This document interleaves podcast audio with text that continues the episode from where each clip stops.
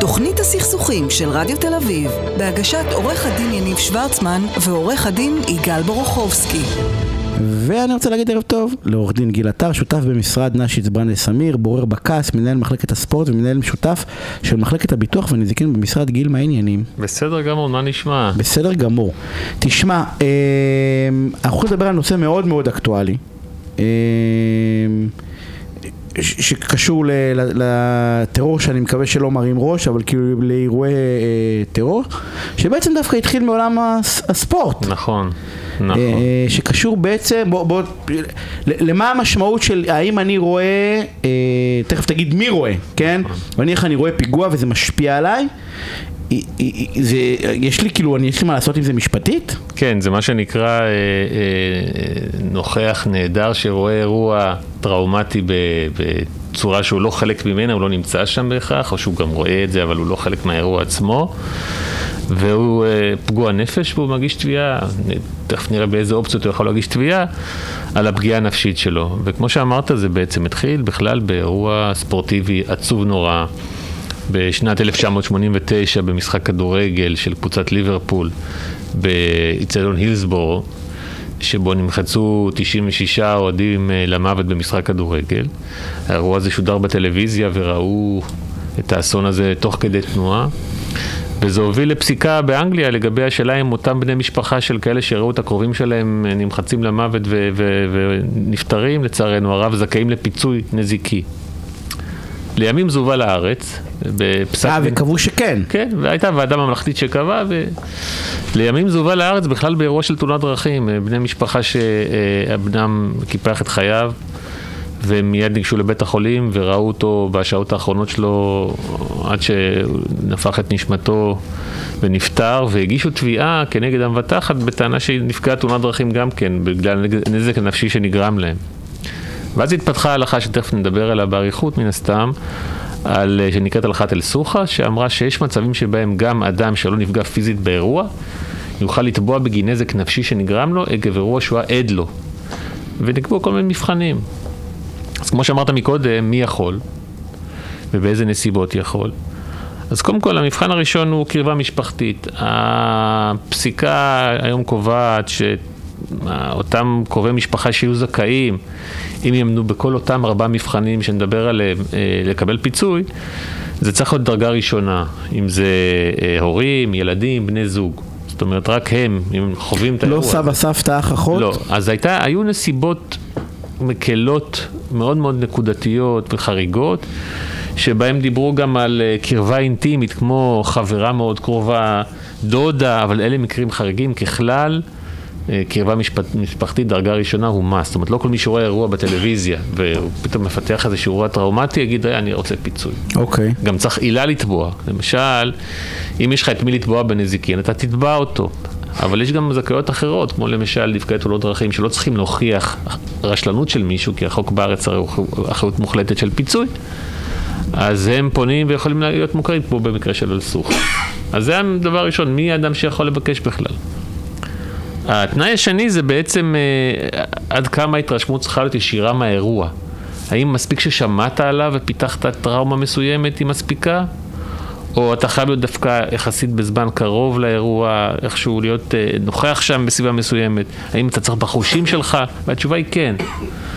גם אה, באופן עקיף אתה יכול להיות כזה שנחשב כמי שנחשף לאירוע כן, הזה. כאילו שזה לא חייב להיות ישיר. נכון, נכון. אוקיי. גם מכלי שני. גם מכלי שני. גם אוקיי. מכלי שני. לא להיות באירוע, אבל אם לצורך העניין מישהו סיפר לי על האירוע, אם זה אירוע שאתה שמעת עליו אה, מכלי שני, כמו שסיפר לך, אה, וקיבלת שוק משמעותי מהאירוע הזה עם נכות, תכף נדבר גם על זה, אז זה גם את זה אפשר להכיל. זאת אומרת, הוא צריך להתרשם מהאירוע, אבל לא באופן מיידי במקום עצמו. וזה מביא אותנו לתנאי השלישי, זה בעצם הדרישה של אה, קרבה בז- בזמן במקום יחסית לאירוע, לא לבוא אחרי שלושה שבועות, חודש, ארבעה חודשים. צריך להיות משהו סמוך לאירוע, וזה, פה דווקא הפסיקה בארץ הייתה יותר גמישה, הייתה מוכנה לבוא לקראת ניזוקים בהקשר הזה. היא אמרה שגם אירועים שנמשכים קצת, קצת יותר מכמה ימים יוכרו ככאלה, אוקיי. ואנשים יוכלו להיות מוכרים תחת ההלכה הזאת שנקראת על סוכה. והתנאי, השם שהוא הכי הכי בעייתי, אה, רק לגבי התנאי. השלישי, זה מתי שראיתי את האירוע, מתי נחשפתי אליו? כמה נכון? זמן אחרי. כמה זמן אחרי, אוקיי. בדיוק, אוקיי. כדי שלא אנשים יבואו אחרי כמה שנים, התפתחה לי טראומה ואני רוצה פיצוי נפשי. הדבר שהוא תנאי שבלעדיו אין, ואנשים צריכים להבין את זה, זה בתחילת הדרך דיברו על עוצמת הפגיעה הנפשית, אתה- זכאי לקבל פיצוי, צריכה להיות משמעותית. זאת אומרת, דיברו אז על פסיכוזה, נוירוזה. עם השנים, גם פה התנסתה איזושהי הקלה, וכמו שאתם יודעים, בכל תביעת נזקי גוף, שבו אדם טוען שנגרם לו נזק גוף, הוא צריך לקבוע, לט, לט, לטעון מה הנכות שנגרמה לו, מה שיעור הנכות. יש מבחנים בתקנות ביטוח לאומי. ובהתחלה היה מדובר באמת בנכויות מאוד מאוד קשות של אה, עשרות אחוזים, אבל בשנים האחרונות גם התנאי הזה קצת התמתן, למרות שעדיין אתה צריך להוכיח נכות, בדרך כלל של מעל 20 אחוז. אוקיי. זאת אומרת, לא כל מי שרואה אירוע... נכות נפשית. נכות נפשית, שפסיכיאטר בודק אותך ואומר שיש לך נכות נפשית, וזה מה שנקבע. אם יש לך את כל התנאים האלה ביחד, כל ה- תוכר. כל התנאים האלה אבל זה פסיקה? פסיקה. זה לא זה לא חוק. זה לא חוק, זו פסיקה, ומה שמעניין לגביה זה בעצם שהיא חלה בכל מיני סוגים של תביעות, החל ב, אמרתי, תאונות דרכים, וזה אירוע, לצערי שאנחנו רואים אותו המון כמעט מדי יום, ואנשים צריכים להבין כדי להיות תחת ההלכה הזאת, הם צריכים באמת גם מומחה שימונה לקבוע שיש להם נכות וכולי, אבל לא רק, תביעות רשלנות רפואית. אה, יש גם כן אה, בנושאים הללו פסיקות על הורים שנחשפו לפגיעה הקשה שנגרמה לעובר למשל שנולד, ו... זה הגיע עד לפני אה, לא מזמן, לא מזמן יחסית, כן, פסק דין שעסק באירוע הנורא של חטיפתם ועצירתם של שלושה חבר'ה צעירים באיו"ש.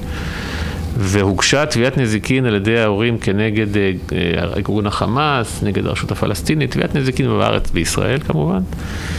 ואחת הטענות שלהם הייתה שעצם העובדה שהם אה, לא ידעו מה גורל בניהם מעל 16 ימים, אני חושב זה היה עד שגילו אותם, לצערנו, הרוגים. אה, עצם העובדה, חוסר הוודאות הזאת, שהם לא יודעים מה קורה איתם, די בזה כדי להקים את התנאי של פגיעה נפשית של קשה. הפגיעה הנפשית. כן, והם באמת פוצו אה, בפסק הדין הזה. אה, כך שאנחנו רואים יש שאם... לי שאלה, הוגש כתב הגנה? לא. לא. נכון, היו שם לא- כמה נתבעים, אוקיי. אבל לא, הם לא... יש, דווקא הרשות הפלסטינית אגב, בסוגיות מהסוג הזה, זה נושא להרצאה אחרת, בדרך כלל כן מתגוננת.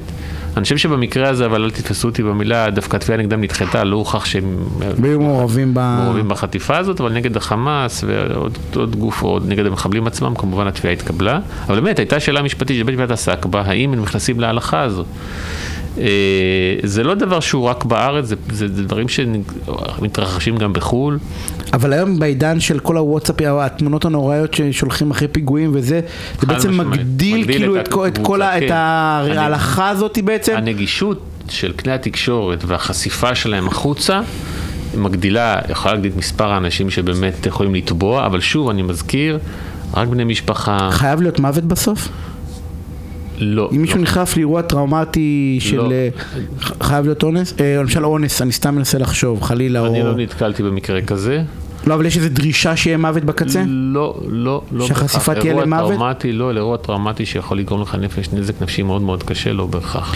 אז, אז, אז סתם דוגמה, היה סיפור, אני יודע, לפני איזה שלושה, ארבעה חודשים לדעתי, שעץ נפל, לא זוכר, לדעתי בנתניה או משהו כזה, ומישהו, נמחצו שניים, כאילו, אז המשפחה שלהם שראו את האירוע הזה, אם נכנ- באמת תתפתח, תתפתח אצלם מחלה נפשית, ושוב, זה, לא- אנשים, יש לזה גם משמעות לאדם שטוען שיש לי פגיעה נפשית, אתה יודע, זה יכול להשליך על החיים שלהם וכולי, אבל אה, גם מקרים מהסוג הזה בהחלט, בהחלט. זאת אומרת, צריך להתחיל באירוע, עכשיו צריך לעשות הבחנה. אבל כשלעצמו, אני תוך כדי מחשבה חושב על אירועים שאני מכיר, כאילו, נמחצים. מגדרות, אה, אה, כל מיני דברים כאלה של, אתה יודע, שהעץ נופל, כאילו, יש, יש, יש הרבה אירועים כאלה של... תחושת אבל, תחושת אבל כשלעצמה לא תעניק פיצוי. זאת אומרת, אנשים מאבדים יקירים שלהם בהמון נסיבות, אבל עצם התחושה הקשה של האובדן וכולי לא די בה. צריך, אמרתי, את כל המבחנים הללו, וזה לא זאת אומרת, פשוט. גם, זהו, שהמבחן בעצם, שיש הרבה מבחנים שהם או במרכאות פוטו-אובייקטיביים, קרבה, אי אפשר לבטח עליהם, אי אפשר לוותר- עליהם, הם צריכים את כולם את ביחד. כולם ביחד, ובסוף כאילו, בסוף צריך מחלת נפש. נכון. ובאחוזים אה, גבוהים. נכון. אה, כך שזה לא כל כך, אנשים שלא ירוצו ויחפשו עכשיו להגיש תביעות בנושא הזה. קודם כל, אם זה- מה שנותר להם, שירו, אתה יודע, אם מישהו ראה את אמא שלו מתה לא, בנסיבות או משהו, שירוץ לאן שהוא רוצה. אה, ועורכי הדין יעשו את מה שצריכים לעשות. אבל, אבל יש עוד, עוד שאלה שרציתי אה, לשאול לגבי הנכות, אתה, אתה, לא מומחה רפואי, אבל אתה מכיר מספיק לזה. זה, זה לוקח זמן, כאילו, מתי אתה היית ממליץ ללכת להיבדק נפשית? לחכות חוד, כאילו, אם יש איזשהו טיפ של אלופים. לא, זה אני לא אוכל לתת לך, לא? זה רופא יוכל לתת לך, לא אני, אבל בדרך כלל ההנחה היא... לא, ש- כעורך דין, אתה בא ואומר, אתה, נפשי, מישהו בא נפשי. ואומר לך, קרה לי לפני שלושה, סתם אני אומר, שלושה לו ימים, לא, אז אירוע אתה אומר לו. תחכה. כל, כל, בדיק, כל אירוע שקשור בפגיעה צריך פרק זמן כדי שתשתחרר נכות צמיתה, אני מזכיר, הנכות צריכה להיות צמיתה, זאת אומרת לנצח, לא משהו זמני. בדרך כלל, בעיקר בפגיעות מהסוג הזה של אירוע נפש, זה לוקח זמן עד שבית משפט או מומחה יכול לקבוע שיש נכות, זה לא קורה מיד.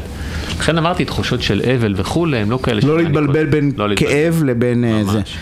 אה, עורך דין גלעד, תודה רבה על הפינה, הסוגיה הסופר מעניינת הזאת והכואבת, אה, שלא נדע כמו שאומרים לגמרי. ההפסקת פרסומות וכבר חוזרים.